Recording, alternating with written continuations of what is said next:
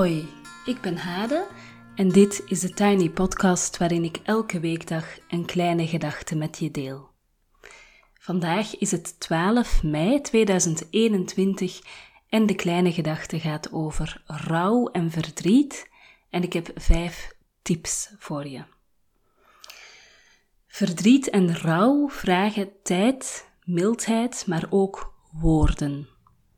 En we zijn het niet gewend taal te geven aan rouw en verdriet, omdat we natuurlijk graag vermijden rouw en verdriet te voelen, of dat we ook heel graag vermijden daarmee geconfronteerd te worden bij anderen. En dat is natuurlijk alleen maar menselijk en alleen maar normaal te noemen. En tegelijkertijd denk ik dat het onze maatschappij deugd zou doen als we in staat zouden zijn ons te verhouden dus tot rouw en verdriet van anderen. Het gaat zo ver, denk ik, het proberen vermijden van rouw en verdriet, dat er ook een hele categorie verborgen en niet erkend verdriet en verlies is. En dat mensen niet alleen dan lijden onder het verdriet en het verlies, ehm, maar ook onder het niet erkende en het verborgene ervan. Mag je bijvoorbeeld zijn, verdrietig zijn om de dood van een zus die je al tien jaar niet meer hebt gezien of gehoord of gesproken? Mag je verdrietig zijn om een scheiding waar je nogthans zelf voor gekozen hebt? Je hebt het toch zelf gewild. Of misschien ben je zelfs verliefd geworden op iemand anders en ben je weggegaan en ja, dan is er weinig of krijg je weinig ruimte meestal van anderen om verdrietig te zijn en te rouwen. Mag je verdrietig zijn omdat je lijf veranderd is door de tijd of door een zwangerschap of een ziekte? Meestal hangen daar allemaal oordelen rond, hè, van dan moet je er maar iets aan doen en je kan toch, um, je kan toch op dieet, je kan toch weet ik veel wat, je kan toch gaan sporten, je kan toch een ingreep laten doen. Um, en dat gaat er voor het gemak ook even aan voorbij dat het ook allemaal niet zo eenvoudig is om bepaalde dingen te veranderen. Mag je verdrietig zijn om het verlies van bijvoorbeeld een geheime minnaar? Ik vrees dat weinig mensen daar verdrietig om mogen zijn, um, omdat het een taboe is, terwijl het voor sommige mensen wel een heel wezenlijk en pijnlijk verdriet en verlies kan zijn. Mag je verdrietig zijn om het niet kunnen krijgen van een tweede of een derde kindje? Je hebt er toch al één. Uh, dat is een verdriet dat ik ook heel vaak bij mijn cursisten of bij sommige cursisten terughoor. Uh, het verdriet om, ja, eigenlijk secundaire kinderloosheid heet dat dan, denk ik met de juiste term. Uh, het verdriet om het niet kunnen hebben van wat voor jou dan een volledig gezin voelt mag je verdrietig zijn om het verlies van een prille zwangerschap. Heel vaak komen mensen dan zeggen: Wees blij dat het vruchtje afgestorven is, want er zal wel iets mis mee geweest zijn. Of je was nog maar zes weken, zeven weken, acht weken, tien weken en het is toch veel erger als je misschien al halverwege zou geweest zijn. Of je bent nog jong en je kan nog zoveel kinderen krijgen. Alleen, dat weet je gewoon niet. Dus uh, in die zin denk ik, wat jammer dat we elkaar vaak uit ongemak zulke dingen zeggen. Mag je verdrietig zijn om het verlies van een partner die je bedrogen heeft als iedereen zegt dat je maar beter van hem of haar af bent? Dat is iets dat heel vaak voorkomt, zo het, het verlies, het verdriet uh, van het verlaten worden nadat er ook wat schadelijke, destructieve dingen zijn gebeurd en um, dat de persoon die achterblijft en verdrietig is dan te horen krijgt van ach, um, je bent eigenlijk beter af zonder hem of haar, dus waarom ben je dan verdrietig? Um, ik weet dat het ook vaak uh, verdriet is niet per se alleen om het verlies van die persoon, maar ook om het verlies van een ideaal, een droom, van hoe je had gehoopt dat het uh, zou geweest zijn met elkaar in de toekomst. Tot en met dat op het moment dat een partner bijvoorbeeld je bedriegt en je verlaat, uh, verandert niet alleen je heden, maar ook je verleden staat plots helemaal in een ander licht. Want wat was waar? Uh, op wat heb je kunnen rekenen? Ehm, was er misschien al eerder iets aan de hand dat je hebt gemist? Ehm, tot en met dat je aan echt gelukkige herinneringen niet meer zo makkelijk kan terugdenken in een periode dat je heel verdrietig bent. Maar ook je hele toekomst ehm, ja, is anders dan je had gehoopt of verwacht. En zelfs al ben je beter af. En zelfs al komt de prins op het witte paard aangereden, dan nog kan het verdrietig zijn dat je dat hele beeld van je toekomst moet bijstellen. Mag je verdrietig zijn om het alleen zijn of om het nooit alleen zijn? Nu, in de coronatijd is dat een thema dat erg aan de orde is geweest. Er zijn mensen die echt heel erg alleen zijn door al die maatregelen, doordat ze nooit meer de deur uit kunnen om te gaan werken, doordat ze niet naar hun hobby's kunnen. En er zijn mensen die totaal overprikkeld zijn van het nooit alleen zijn. Mag je verdrietig zijn om een keuze die je zelf hebt gemaakt? Ik heb dat bijvoorbeeld zelf ervaren toen ik uh, ontslag heb genomen op mijn werk. Na een nare situatie die te maken had met mijn tweelingzwangerschap en mijn langere afwezigheid, uh, heb ik uiteindelijk besloten dat ik niet meer de veiligheid had om daar te blijven werken. En toen ben ik zelfstandige geworden en sindsdien zit ik hier achter mijn microfoon podcasts op te nemen. Nee, dat is een beetje kort door de bocht, maar een beetje, zeg maar, grote lijnen. Dus ik heb zelf uiteindelijk gekozen om weg te gaan, maar ik ben daar nog steeds verdrietig om. En dat is voor sommige mensen heel moeilijk om te begrijpen, want er is intussen iets in de plaats, namelijk ik ben zelfstandige. Um, en ik heb mijn eigen tiny office en dat is heel leuk. En hier kan ik uh, min of meer doen wat ik graag doe.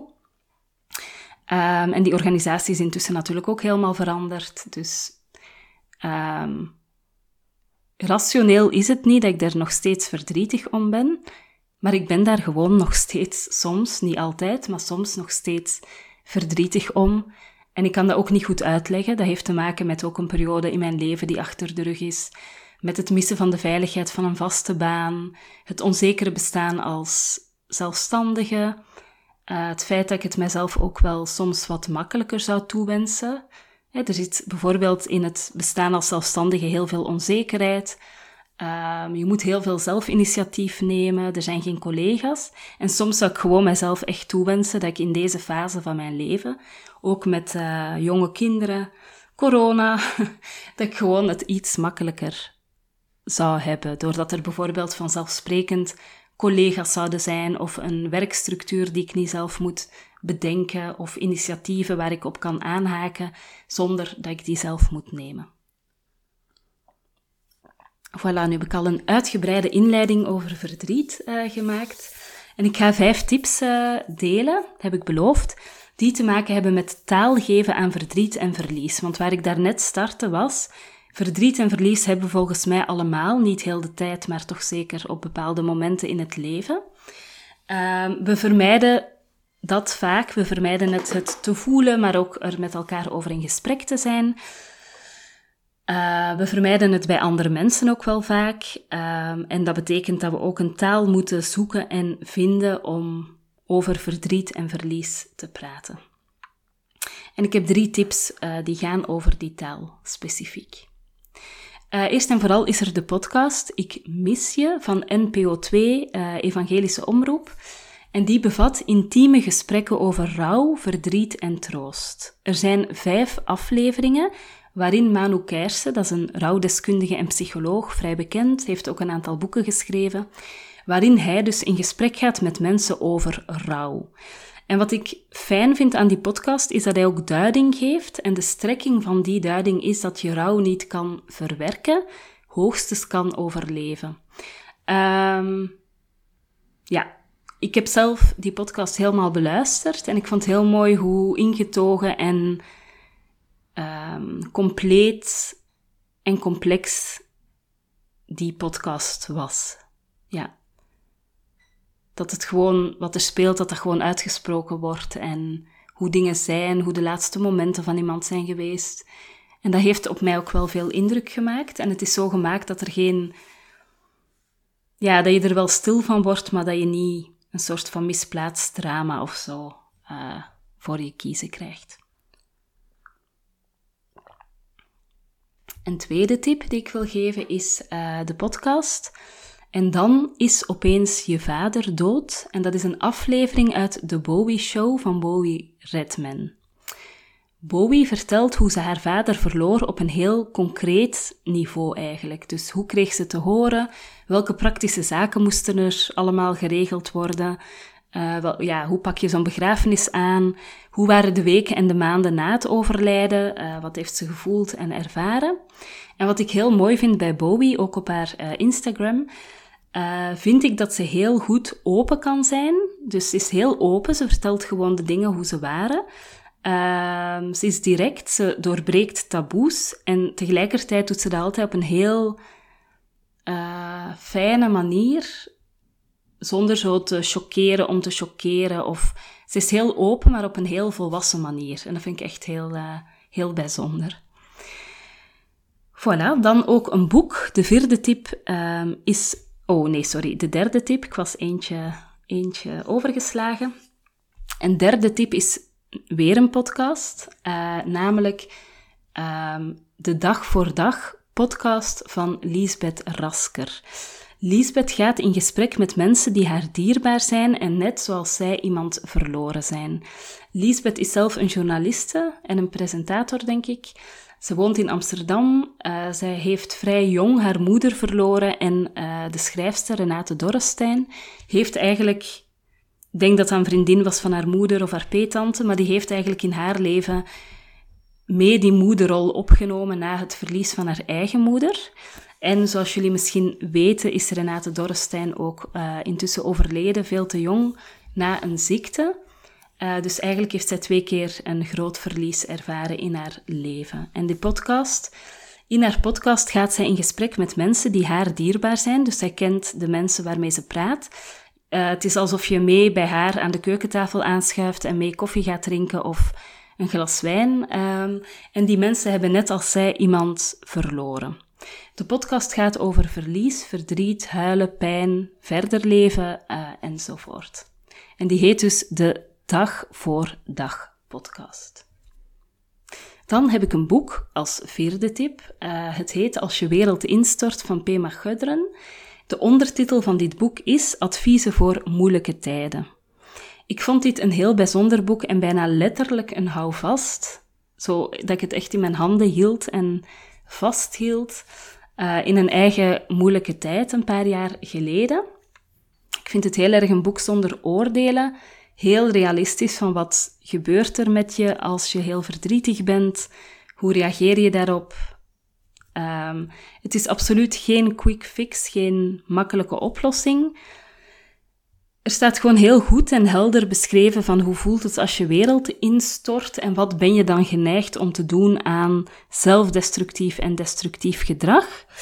En wat kan je beter doen in de plaats, ook al is dat heel moeilijk om op dat moment um, die natuurlijke neigingen te onderdrukken. Voilà, en dan mijn laatste tip is een beetje uh, prematuur. Uh, de website verlieskunst.nl, daar vind je het rouwwoordenboek. Na het verlies van haar moeder besefte Babette te Winkel, heet die vrouw, dat bestaande woorden en taal tekort schoten en ze zocht een nieuwe taal voor verdriet en verlies en zo ontstond ook het rouwwoordenboek, dat je op dit moment kan bestellen alvast, waarna je het ergens in juni in de brievenbus krijgt, een klein boekje. Um, ik zet het linkje in de show notes um, en ik deel alvast één begrip dat je op haar website kan vinden: aanwezig zijn in afwezigheid. En daarover schrijft ze het volgende. Eén stoel aan tafel blijft al maanden leeg, altijd dezelfde. We hebben er niks over gezegd, ondanks dat het een fijne zitplek is, beter dan de stoel in die gekke hoek, gaan we toch op die gekke stoel zitten en als we als laatste aan tafel komen. Sorry, die zin klopte niet. Gaan we toch op die gekke stoel zitten als we als laatste aan tafel komen. De lege plek blijft. Soms komt er bezoek. Die gaat dan op de stoel zitten. Dan halen we allemaal opgelucht adem als het bezoek weer weg is en de stoel weer leeg is. Het bezoek vraagt of we al plannen hebben voor kerst, of we langskomen, maar het kerstdiner dit jaar kunnen we niet verplaatsen. Een nieuwe tafel heeft geen lege stoel voor haar. hoe de leegte een monument voor haar kan zijn, een lege plek om te bewaren. Voilà. Um, dat is één begrip uit dat uh, rouwwoordenboek en ik ben heel benieuwd naar het volledige werk. Zo. Um, ik hoop dat je wat hebt gehad aan deze vijf tips en ik nodig je echt van harte uit om deze podcast even te delen met iemand die er misschien op dit moment nood aan heeft. Um, die in een situatie zit van rouw. Uh, misschien kan het ook doorsturen van deze podcast een opening zijn om het gesprek aan te gaan. Uh, of als je zelf in een situatie zit met rouw, kan het misschien ook helpen om, naar aanleiding van deze podcast bijvoorbeeld, het gesprek dat je misschien graag wil voeren, maar waarvoor je niet goed weet van hoe begin je daar dan aan, om dat dan toch een keer uh, aan te gaan. Ten slotte wil ik je graag nog attent maken op twee dingen. Op 20 mei, dat is volgende week donderdag, uh, is er de avond Rouw, uh, die Tamara Leenaerts en ikzelf hosten van 20.30 uur tot 22 uur. Um, je kan je inschrijven voor 9,99 euro. Een beetje een symbolisch uh, bedrag, omdat we vaak merkten als we een gratis avond deden dat het engagement van de deelnemers dan lager ligt. En dat is vervelend, want uiteindelijk bereid je wel alles heel zorgvuldig voor. Die avond uh, gaat over verborgen, niet erkend verlies en verdriet van vrouwen.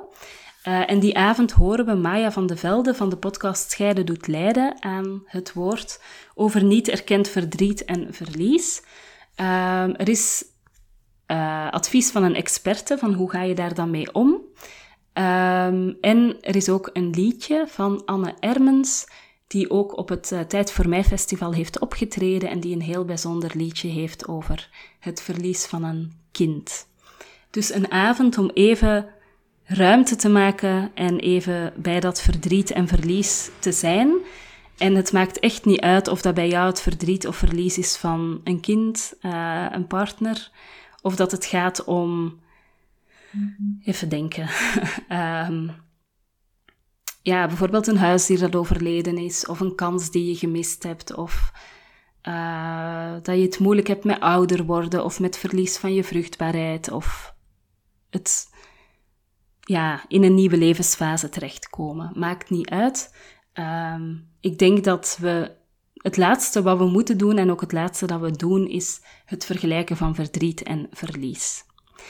En dan wil ik je ook graag even wijzen op het traject Verborgen Vrouwenverdriet. Dat is een traject van vijf weken met elke week een cirkel van anderhalf uur die start in juni. Um, en dat is eigenlijk een plek om via creatieve opdrachten, schrijfopdrachten, maar ook doorleven, doorvoelen, met elkaar in gesprek te zijn, um, eigenlijk ruimte te maken voor jouw verborgen verlies en verdriet en daar um, met anderen rond in verbinding te gaan. We hebben dit traject al een keer gedaan en we merken dat dat heel helend en heel bijzonder is. Uh, het is een traject van mij en Tamara Leenaerts en uh, ik zet de linkjes in de show notes. Tot zover uh, de Tiny Podcast voor vandaag. Je kan me volgen op Instagram, TheTinyPodcast. Je kan je abonneren via podcast-apps of um, in Spotify. Dan krijg je de nieuwste afleveringen in je overzicht te zien. En als je de podcast doorstuurt naar iemand die er ook graag naar luistert of hem deelt op social media, dan help je de podcast te groeien. En dat is heel fijn, um, want daarmee doe je mij echt een plezier. Ik wens je een heel fijne dag en heel veel goeds en heel graag tot morgen.